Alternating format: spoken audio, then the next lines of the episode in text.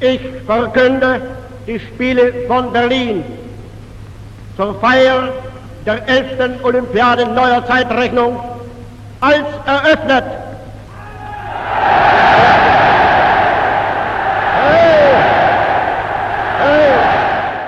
Pasludinu 1936. gada Olimpiskās spēles par atklātām.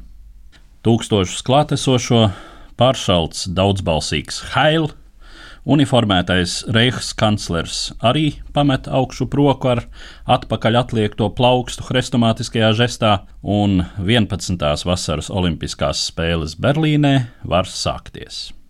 Labdabīga, godīga un koleģiāla sacensība pretstats bruņotai cīņai starp nācijām. Tādu olimpiskās kustības ideālu saskatīja franču barons Pierre de Coubertins, kad 19. gadsimta beigās ķērās pie leģendām apvīto Grieķijas olimpisko spēļu tradīcijas atjaunošanas modernajā pasaulē.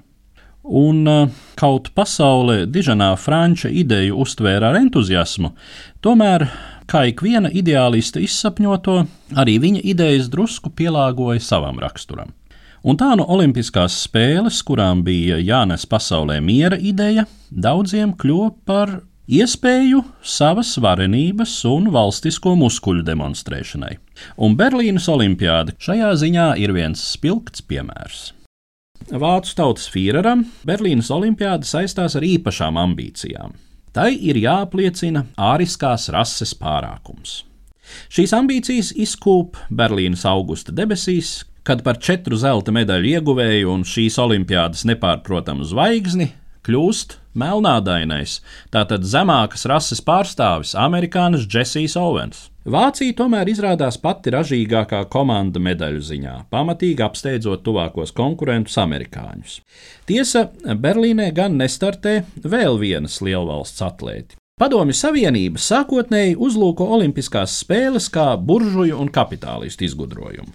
Tomēr ar laiku bolševismu ideologi attopas, cik iedarbīgs ir sports kā valsts varenības apliecināšanas līdzeklis.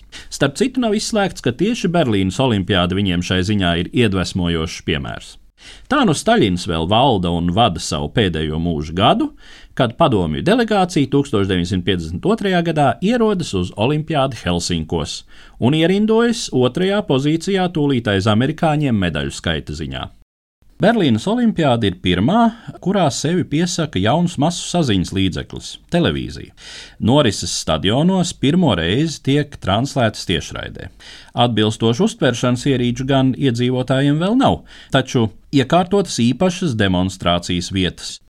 Vēl viena novitāte - šī olimpiāda ir pirmā, kurā tiek organizēta šodien visiem tik ierastā olimpiskās uguns nogādāšana lāpā no Olimpijas uz spēļu norises vietu.